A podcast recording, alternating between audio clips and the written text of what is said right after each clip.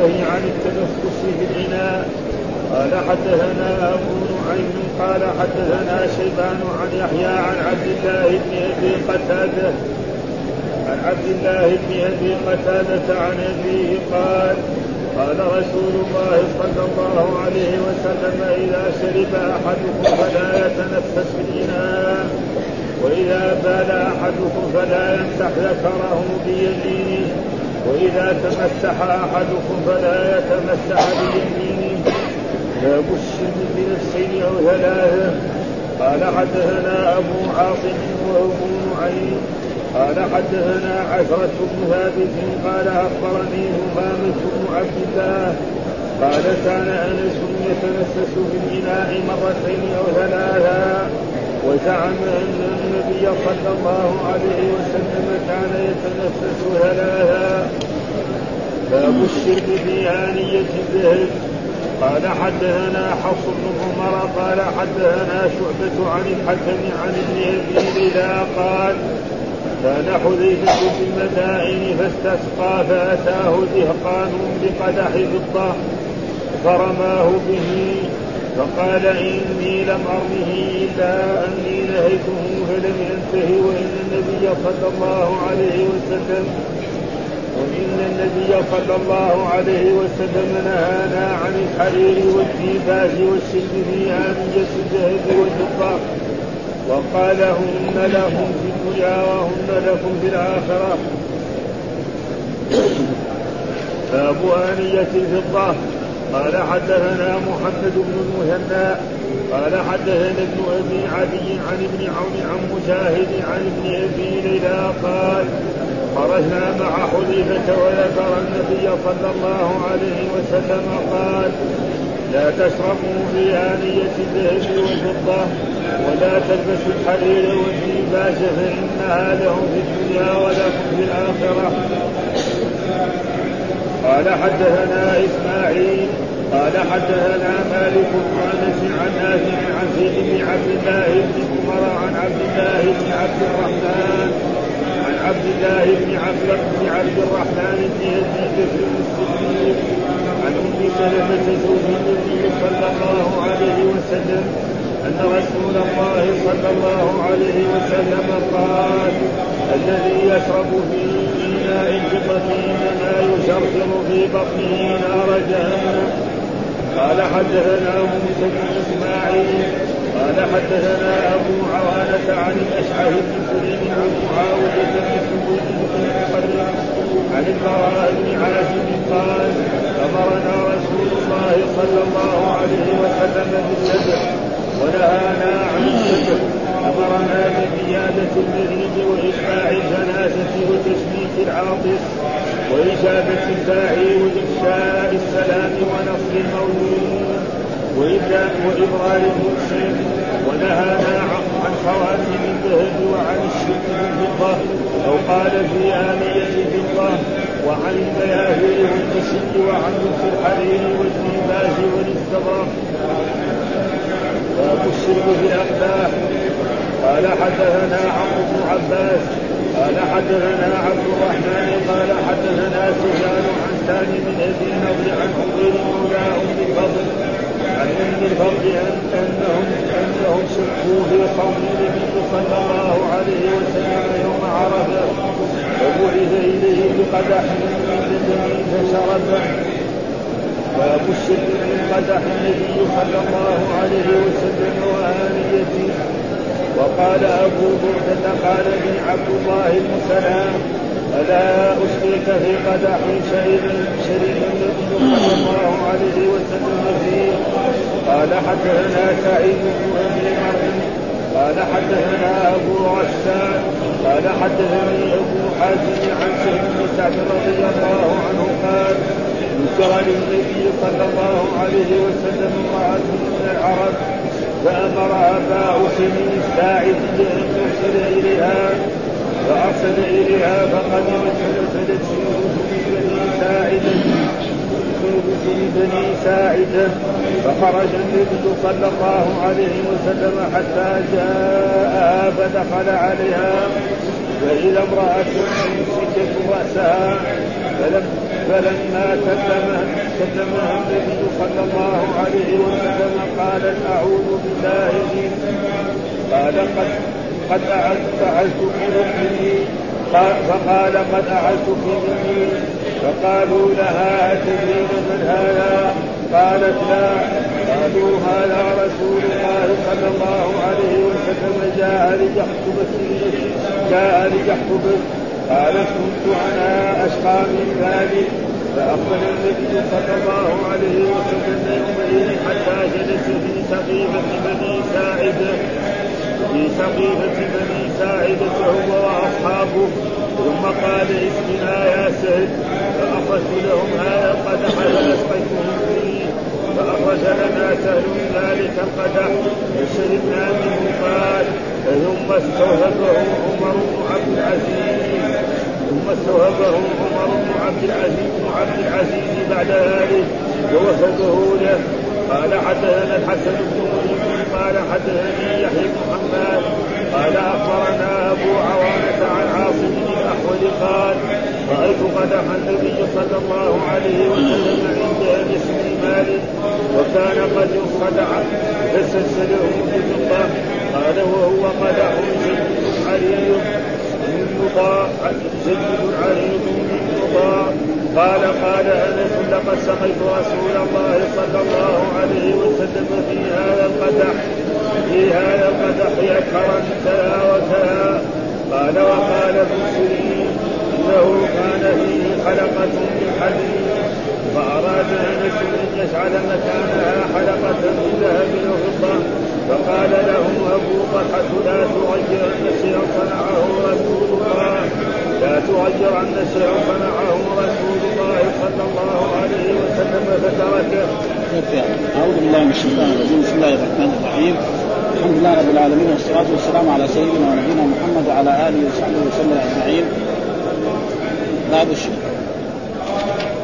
باب النهي عن التنفس في الإناء. من آداب الإسلام التي علمنا رسول الله صلى الله عليه وسلم أن الإنسان إذا شرب في كأس أو في وعاء ألا يتنفس في الإناء فإنه إذا تنفس في الإناء قد يعني يخرج منه رائحة فتقبح الماء هذا وتجعل فيه رائحة كريهة فالذي يأتي بعده لا يحب أن يشرب في ذلك. فلأجل ذلك إذا شرب في إناء وأراد أن يتنفس يرفع الإناء ثم بعد ذلك يتنفس ثم يعيد الإناء ويشرب ثم يعيد الإناء.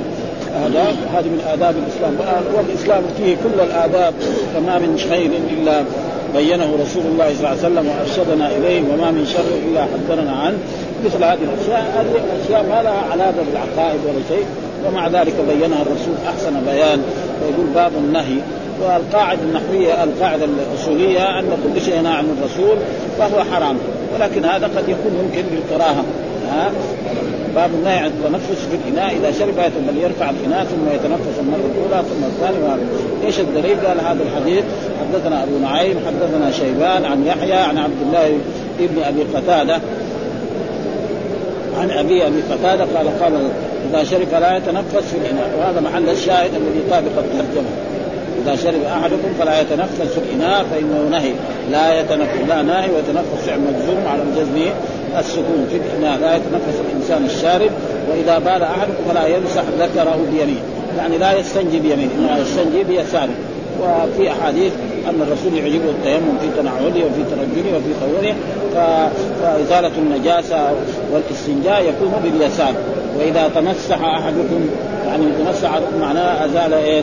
يعني غسل دبره من الغائط فلا يتمسح بيمينه بل يتمسح بيساره. ها؟ هذه كذلك كلها آداب إسلامية فيجب على المسلم أن يعني وهذا تقدم كان في إيه؟ في الوضوء طهارة هناك وقد تقدم شرحه في كتاب الطهارة. ولا يتزاد من وجه آخر عن أبي عن النفل كذلك في الإناء.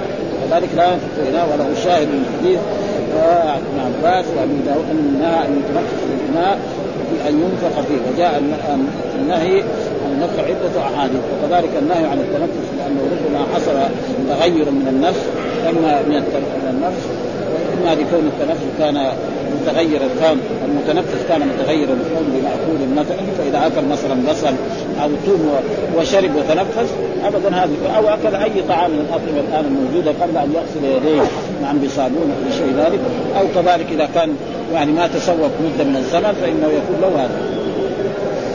ها؟ أو لبعد عهده بالسواك أو المضمره أو لأن التنفس يصعد بخار المعدة. بعض الناس يعني لهم رائح كريهة في افواههم إذا شرب بعدهم قال. ثم قال باب الشرب باب الشرب بنفسين أو ثلاث. يعني الإنسان إذا شرب له أن يشرب ياخذ الماء ويضعه في فمه ثم يشرب ثم يرفعه عن فمه. ثم كذلك يعيده ثاني مرة ثم ثالث يعني ثلاث مرات وله ان التفريق إيش الدليل؟ قال حدثنا أبو عاصم وأبو نعيم قال حدثنا عزرة بن ثابت قال أخبرني إمام بن عبد الله قال كان أنس وهذا من أولاد إيه؟ وأنس بن مالك قال كان أنس يتنفس في الاناء مرتين أو ثلاث يعني كان والده الذي هو أنس بن مالك خادم الرسول صلى الله عليه وسلم يتنفس وهذا امامه ابن إيه؟ ابن ابن يعني. ها؟ ابن ابني ومعلوم أن أنس رب الرسول دعاه بان يكثر ماله وولده. فكان أولاده أكثر أحفاده أكثر من سبعين. وزعم أن النبي كان يعني اخبرنا زعم هنا بمعنى أخبرنا مو معنى يعني دعا دعا هذا هذا. مع أن اللفظ الحديث الذي أورده كان يتنفس فكأنه أراد أن يجمع بين حديثين حديث الباب والذي قبل لأنه لأن ظاهرهما التعارض. إذ الأول صرح في النهي عن التنفس في الإناء والثاني يثبت التنفس.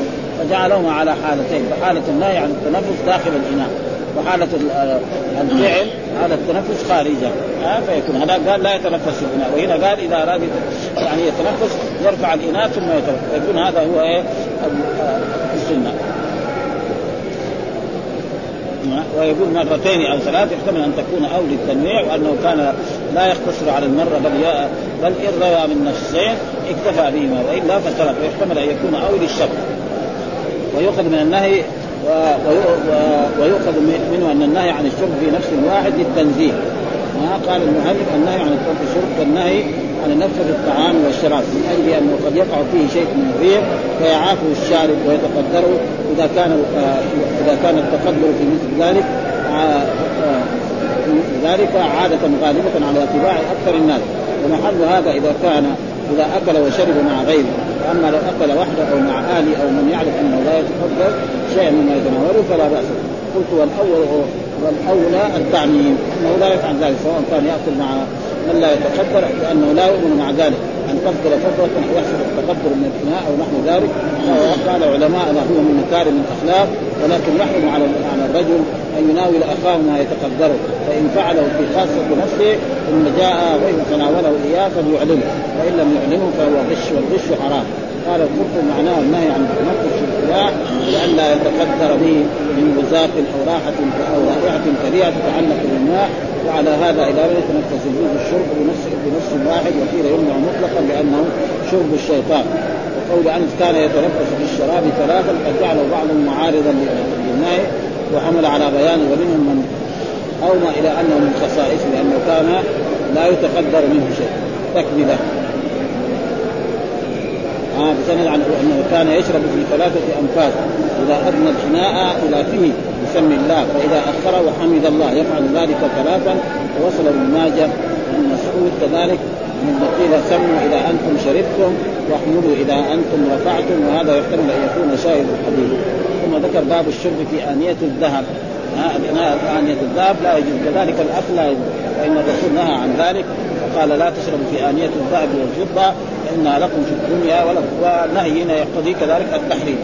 ها لأنها ثم قال إنها لكم لهم في الدنيا ولكم في يعني للكفار في الدنيا ولكم في الآخرة أنتم عيال.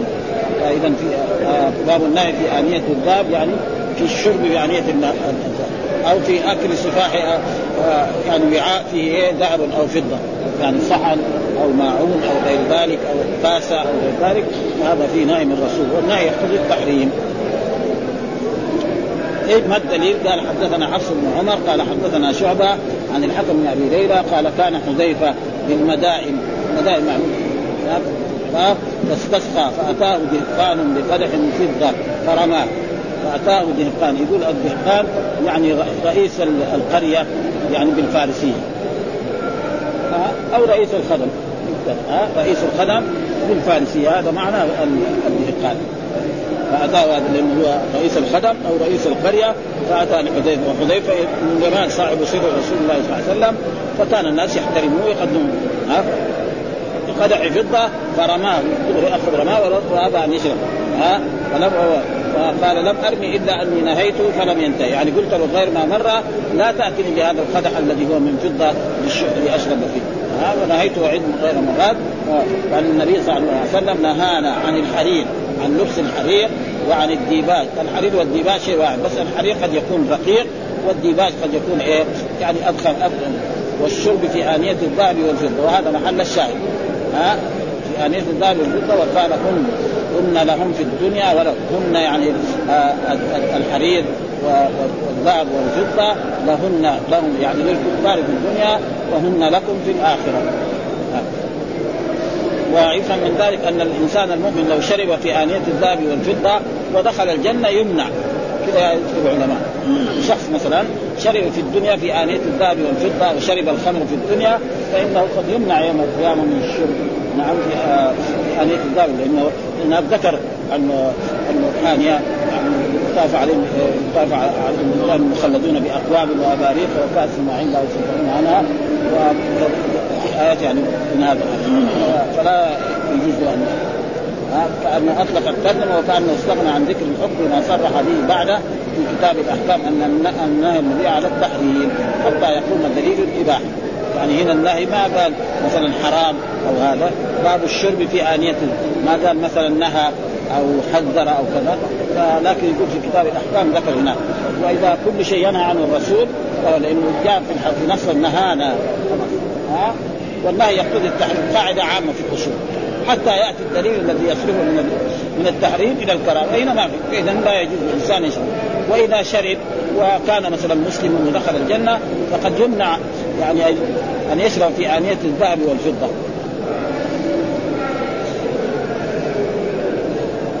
يقول وسيأتي في اللباس التصبيح بيان النهي عن المسلمة وفي بيان الديباج ما هو. الديباج هو يعني ما يكون غليظ من إيه؟ من الذهب والفضة. والمدائن يقول اسم بلفظ جمع مدينة وهي بلد عظيم على دجلة بينها وبين بغداد سبعة فراغ فراسخ كانت مسكن ملوك الفرس وبها إيوان كسرى المشهور وكان فتح على يد سعد بن أبي وقاص في خلافة عمر سنة 16 أخذها قبل ذلك وكان حذيفة عاملا عليها في خلافة عمر ثم عثمان ثم عثمان إلى أن مات بعد قتل عثمان.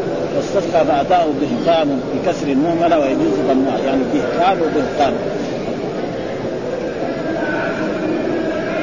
والدهقان أو علج وتقدم الأطعمة عن طريق يوسف آه أنهم كانوا عنده فاستسقى فسقاه مجوسي ولم أقل على اسمه بعد البحر بقدح فضة. يعني بإناء فضة. فرماه به ويأتي أن الذي فرمى به في وجهه. وهذا هو إيه إنكار المنكر أنه لا يفعل ما دام الرسول نهى عنه فلا يجوز الإنسان أن يفعل مثل ذلك. وقال ليس المراد بقوله في الدنيا إباحة استعمال إياه وإنما المعنى بقوله لهم الذين يستعملون مخالفة زي المسلمين. ليس معناه أنه الذهب والفضة يعني يجوز للكفار فإن الكفار مطالبون بجميع أحكام الشرع. لكن بس أحكام الشرع ما تنفع معهم إلا بالترتيب أول التوحيد. ها؟ بعدين الصلاة بعدين الزكاة بعدين هذه. ها؟ يعني هل الكفار مطالبون بأحكام الشرع؟ الجواب هكذا العلماء يقول. كل أحكام الشرع مطالبون. ويكفي ذلك يعني القرآن يدل على مثلا اذا زادتهم إيمانا. وأما الذين في قلوبهم مرض فزادتهم رجسا إلى رجسهم. يعني كفر الرجل مثلا كان كافر بشيء من الأحكام الشرعية. فجاء حكم شرعي. مثلا كان لا يوحد الله ثم جاءت الصلاة وما صلى. يصير إيه؟ يطالب بهذا. الزكاة كذلك الصيام كذلك. وهذا دليل على أنه يعني أن الكفار مطالبون بأحكام ولكن أحكام الشرع لا تنفع معهم إلا بالترتيب. اول التوحيد. لو أن كافرا صام صيام شرعي. ها؟ نوى وما أكل. من من الفجر إلى المغرب. أن يؤجر الجواب ما ليس له أجر. وسياتي شرح حديث الباب في كتاب الأدب وما يتعلق به باللباس في كتاب إن شاء الله وفي هذه الأحاديث. تحريم الأكل والشرب في آنية الذهب والفضة على كل مكلف رجلا كان امرأة ولا يلتحق ولا يلتحق ذلك بالحلي للنساء لأنه ليس من التزين الذي لأنه ليس من التزين الذي لأنه من من التزين الذي أبيح له لأنه ليس من التزين الذي أبيح لها في شيء. قال القرطبي وغيره في الحديث تحريم استعمال اواني الذهب والفضه في الاكل والشرب ويلحق به ما في معناهما مثل الطيب والتكحل وسائر وجوه الاستعمال. يعني سائل مكحله من ذهب أو من فضة وبه قال واغربت طائفه شدت فأباحت ذلك مطلقا. ومنهم من قصر التحريم على الأكل والشرب ومنهم من قصره على الشرب لأنه لم يقف على الزيادة. ها والصحيح أنه كل هذا جائز يسيل مكحله أو مثلا قلم ريشته من ذهب. هذا تقريبا ما يصح واختلف في علة المنع فقيل أن ذلك يرجع إلى عينيهما ويعيد قوله أن لهم إنها لهم وقيل لكونها لكونهما الأثمان وفيهما النقوفات ولو أبيح استعمالها لجاز اتخاذات الآلات منها فيفضي إلى قلتنا بأيدي الناس. لأنه كانت العمل المعروف في ذلك الوقت هو الذهب والفضة. أما الآن ف... ومع ذلك هو الحكم ثابت لا يتغير. فيمكن يصاب وهذه العلة هي الراجع عند شرع وبه صرح أبو علي. وقيل علة التحريم السرف والخيلاء أو كسر قلوب الفقراء. ويرد عليه جواز استعمال الأواني من الجوهر النفيسة وغالبها أنفس وأكثر قيمة من الذهب والفضة. ولم يمنعها ولا ولم يمنعها الا ولم يمنعها إلا من شب. يعني مثلا آه، آه، آه، مثلا جواهر. هل الإنسان يستعمل الجواهر؟ الجواب بس ما جانا كل شيء مباح. قاعدة عامة يعني كل شيء لم يأتي فيه الماء فهو مباح. ثم ذكر باب الشرب في الأقداح. ذلك الأقداح لنا أن نشرب فيها أقداح. ومثل أقداح يكون هذا القدح من حجر أو من نحاس أو من صفر أو من شيء عصرنا هذا من قزاز أو من غير ذلك. من الأشياء الحديثة الموجودة فإن الإنسان له أن يشرب. باب الشرب في الأقداح جائز. إيش الدليل؟ قال حدثنا عمرو بن عباس قال حدثنا عبد الرحمن حدثنا سفيان عن سالم أبي النضر عن عمير مولى أم الفضل عن أنهم شكوا شكوا في صوم النبي صلى الله عليه وسلم يوم عرفة فبعث إليه بقدح من لبن فشربه فبعث فبعث إليه بقدح من لبن فشربه فهي أم الفضل أرسلت شخصا قالت خذ هذا اذهب به إلى رسول الله يعني قدح فيه لبن. فشربه الرسول عشية عرفه فعلم من ذلك أن الرسول لم يكن صائما يوم عرفه لأن الرسول كان هنا في المدينة قال صيام يوم عرفة يكفر السنة الماضية والمقبلة. والآن شكوا هل هو صائم ولا ما هو صائم. وفي حديث يعني قد يكون ما بلغه. نهى الرسول عن صيام يوم عرفة من بعرفة. في حديث في هذا النص. هل يباح لكون من شعاره باب الشرب الاكلاء أو يمنع يكون من شعار الفسق أو ولعل أشار إلى أن الشرب فيها وإن كان من شعار لكن ذلك بالنظر إلى المشروب وإلى الهيئة الخاصة بهم فيكره التشبه يعني الاخداع الظاهر إن الاخداع الذي كانت يعني يعني مواعين شرب الخمر. يعني مثلا كاسة يشرب فيها الخمر. هل لك أن تصب فيها كاسة مثلا؟ إذا كان ما تتغير ما هي من فخار؟ أما إذا كانت من فخار لازم تكسرها ها؟ الفخار لأنه ما هذا إنه تشرب من إيه من الخمر. والخمر نجس على أكثر قول العلماء. أما إذا كان مثلا كاسة كان واحد يشرب فيها الخمر فغسلت يشرب ها؟ فالاقداح يعني كانه يعني الأواني التي كانت لشرب الخمر. يكون باب الشرب من قدح النبي صلى الله عليه وسلم وآنيته. وهذا يعني جائز للإنسان أن يشرب من قدح النبي صلى الله عليه وسلم وآنيته وكذلك التبرك بآثار النبي صلى الله عليه وسلم.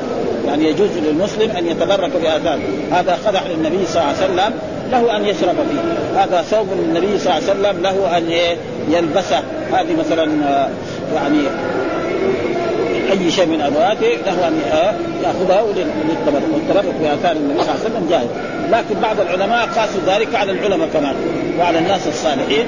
ونحن لما يعني مع البحث يعني من طلبة العلم ما وجدنا مثلا أن الصح التابعين كانوا يتبركوا بآثار رسول الله بآثار أبي بكر الصديق.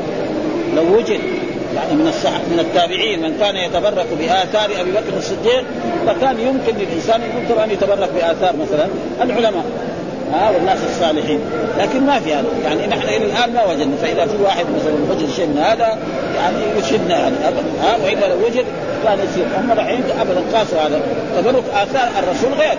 الرسول كان يعني إذا تنخم نخامة ابتدرها رجال ومسحوا بها أيديهم وارجلهم كذا هذا تبرك هذا. وكذلك إذا تفل كذلك. وكان إذا شرب ماء وبقي إذا توضأ وبقي يأخذ إيه؟ يتمسح به. هذا ثابت. وكان مو دائما يعني بعض المرات كان الرسول يفعل ذلك وفعل ذلك في الحديبية عشان يظهر لقريش أنكم لا يمكن أن تصلوا إلى رسول الله صلى الله عليه وسلم حتى هذا هؤلاء الألف والأربعمائة يموتوا.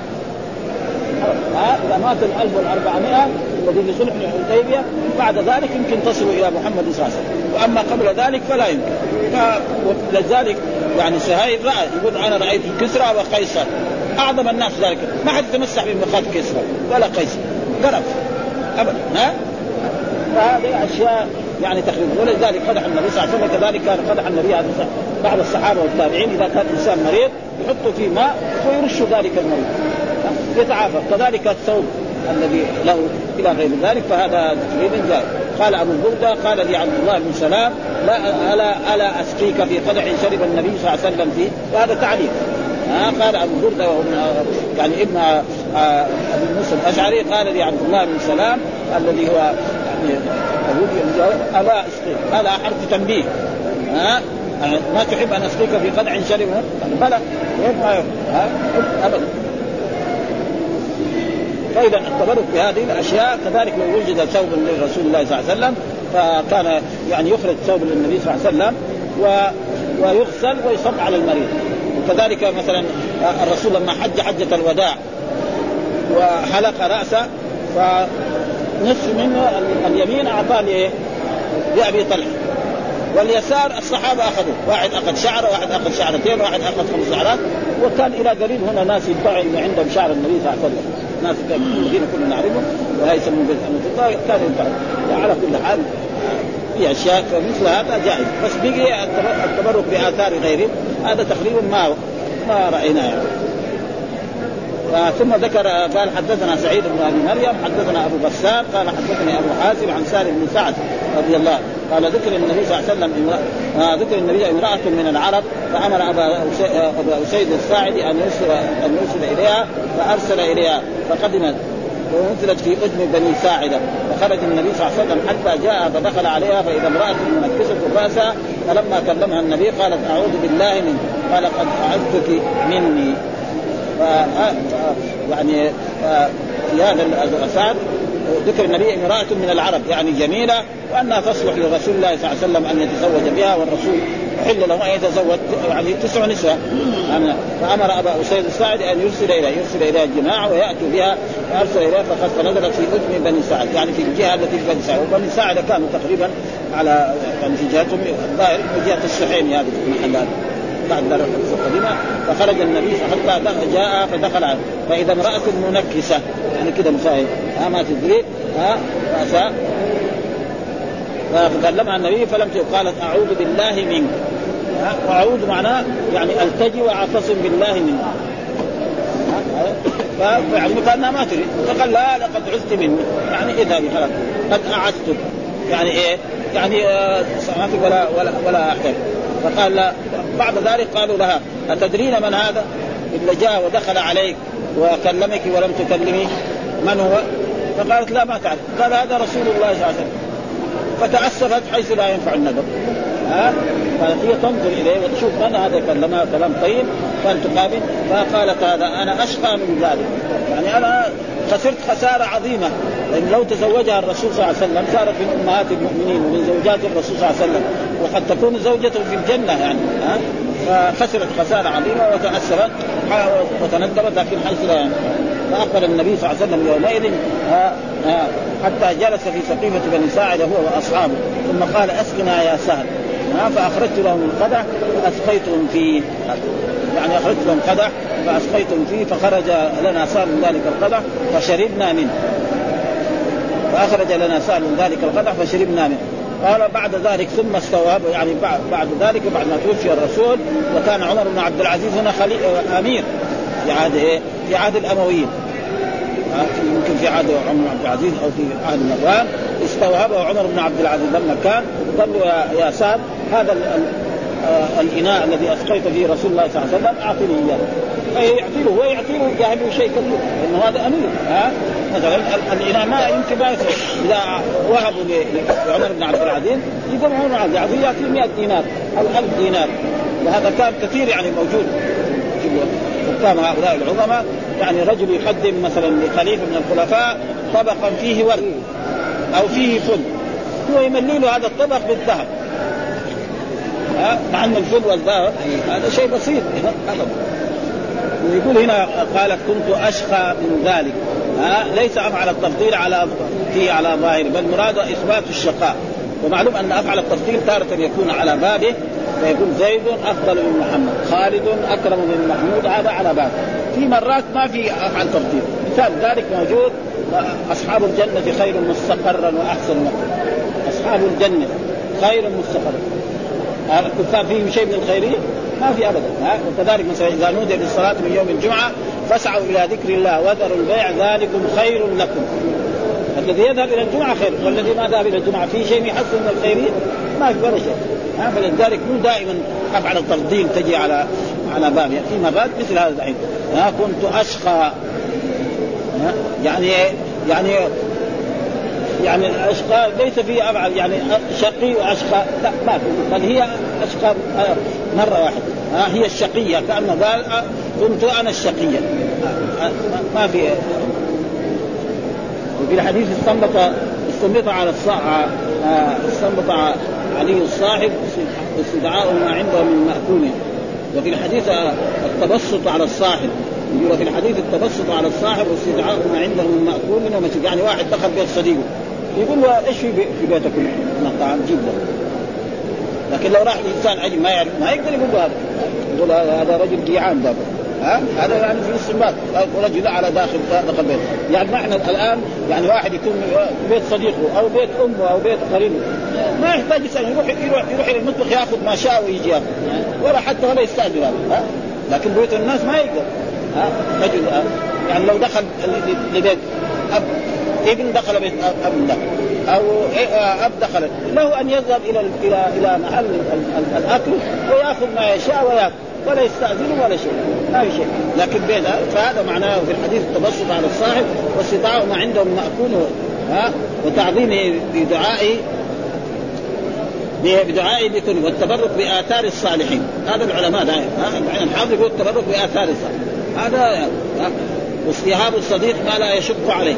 ذلك واحد مثلا شيء ها؟ يعني عنده كتاب ويعرف عنده كتب كثيرة يقول له بالله هذا الكتاب أنا أبغى أنا أحتاجه يعني ولعل سهلا سمح بذلك لبدر كان عنده من ذلك الجنس أو لأنه كان محتاج فعوضه المستوي ما يصب به حاجة. هذا عمر بن عبد العزيز من هو يا هذا هذا الوعاء أو هذا الماعون لهذا؟ والله مناسبة الترجمة ظاهر في جهة رغبة الذين سألوا سألا أن يخرج لهم القدح المذكور ليشربوا فيه تبركا. والحديث الثاني إيه؟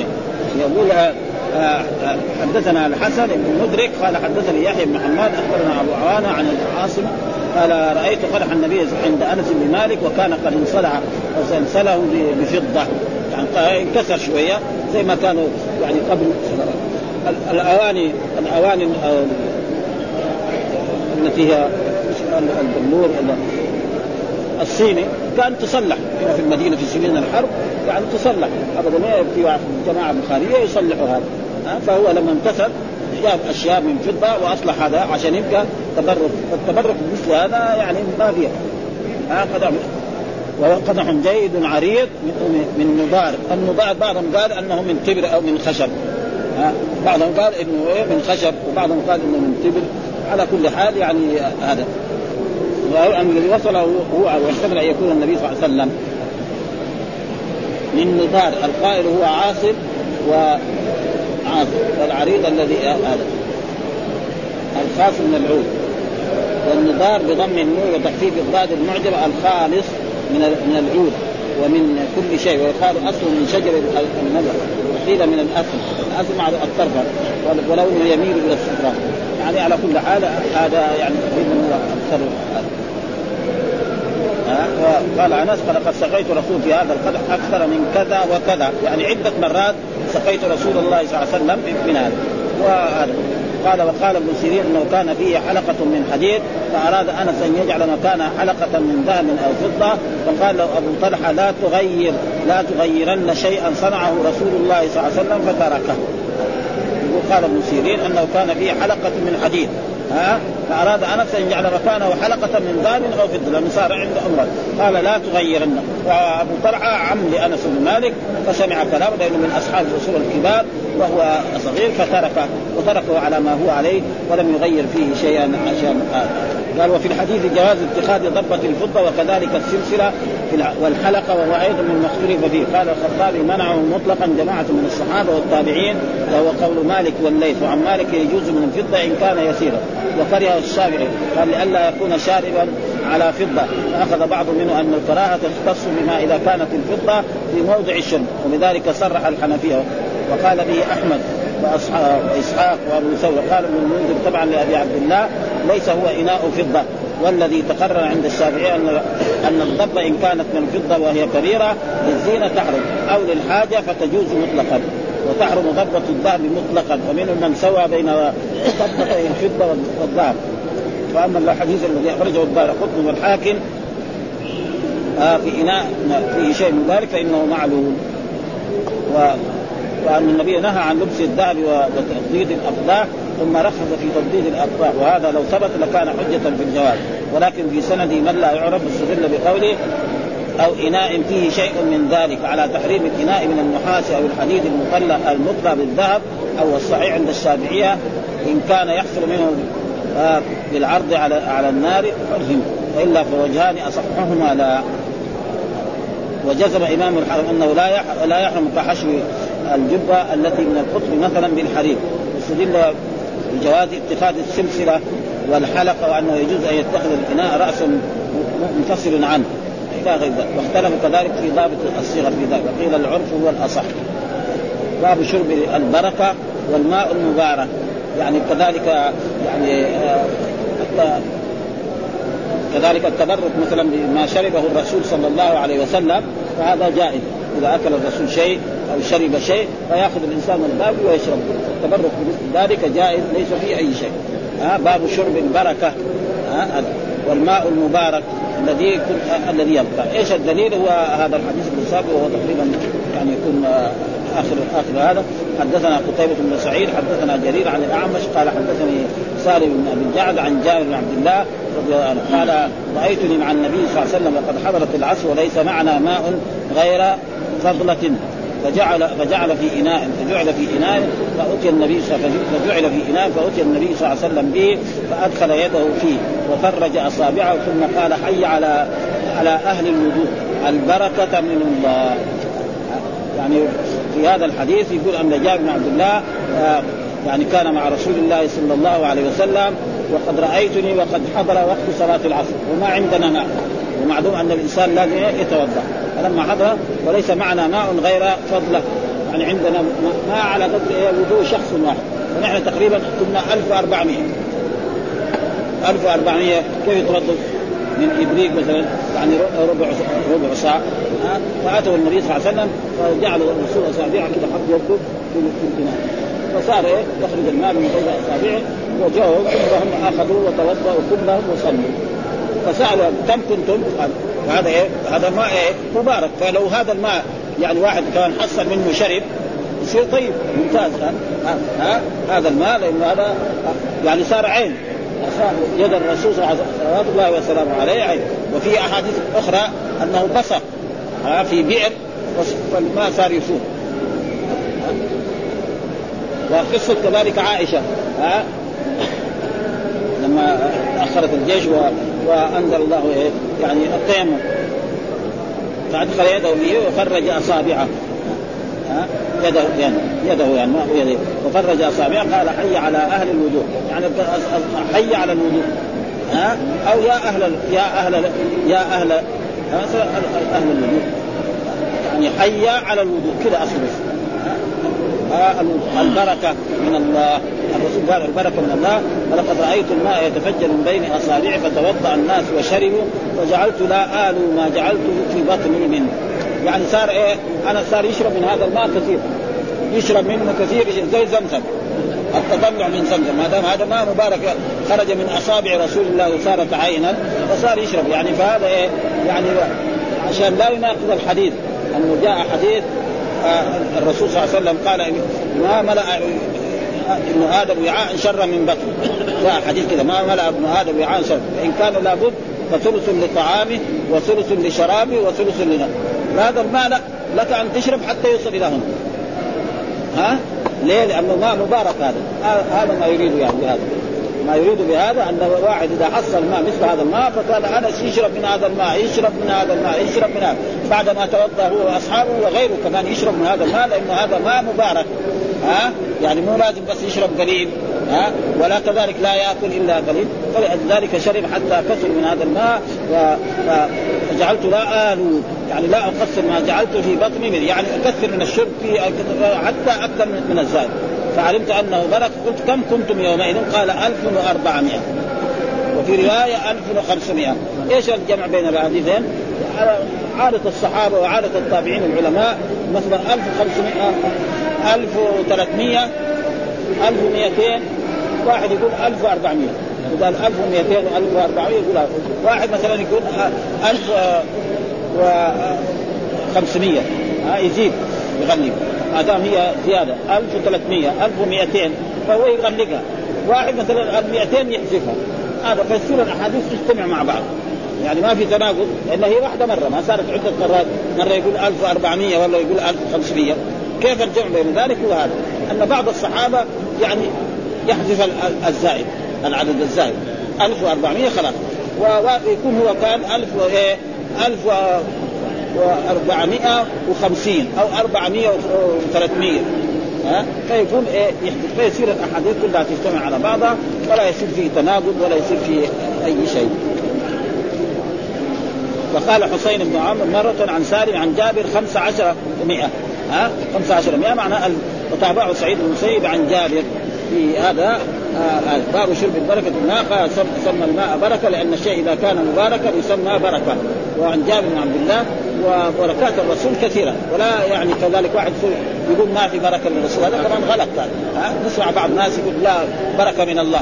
بركة من الله صحيح. وبركة من الرسول كمان في بركات من الرسول. ها؟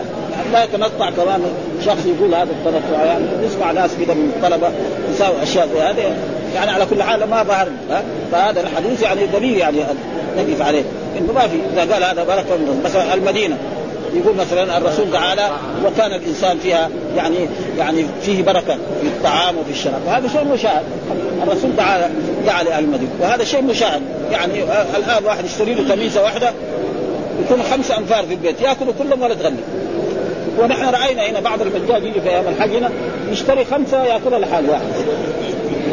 خمسة من أي بلد ما الخمسة كلها يأكلها واحد. وكمان فيها معاه برنجان احمر وفيها سلطة وفيها أشياء. ها؟ واحدة. شيء مشاهد ابدا والرسول دعا ودعاء الرسول هذا آثاره. شيء مشاهد تماما. ما في أي شيء.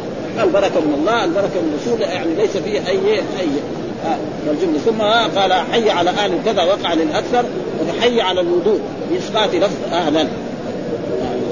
وهو اسهل وقد وقد جاز على تقدير ثبوت بان يكون يا أهل ها يا أهل بالنص على على النداء بحسب حرف النداء كأن قيل حي على الوضوء المبارك يا أهل الوضوء. وكذا وتحق بأن المجرور بعلى غير مذكور وقال غير الصواب آه حي هلا على الوضوء المبارك وتحرف لفظ هلا فصارت أهلا. وحولت عن مكان وحي اسم فعل الأمر بالإسلام. تفتح سكون ما قبل مثل ليت وهلا. وجعلت لا آل بالتفريع أي لا أقصر المد هنا جعله آه والمراد أنه جعله يستكثر من شرب من ذلك لأجل البركة. فيؤخذ منه لأنه لا سرف ولا شرع في الطعام والشراب الذي تظهر به البركة بالمعجم بل يستحب الاستكثار منه. أما في غير ذلك ما يحتاج يأكل حتى إيه ما يجد نفس. في ترجمة إشارة لأنه يقتصر في الشرب منه بإكثار دون المعتاد الذي ورد باستحباب جعل الثلث له ولئلا يظن أن أن الشرب من غير عطش ممنوع. يعني واحد ما عطشان فإن فعل فإن فعل جابر ما ذكر دل على أن الحاجة إلى البركة أكثر من الحاجة إلى الري والظاهر اطلاع النبي صلى الله عليه وسلم على ذلك ولو كان ممنوعا لنا وقلت لجابر القائل هو سالم بن أبي جعل راويه عنه كم كنتم قال 1400 والتقدير نحن يومئذ 1004 ويجوز النص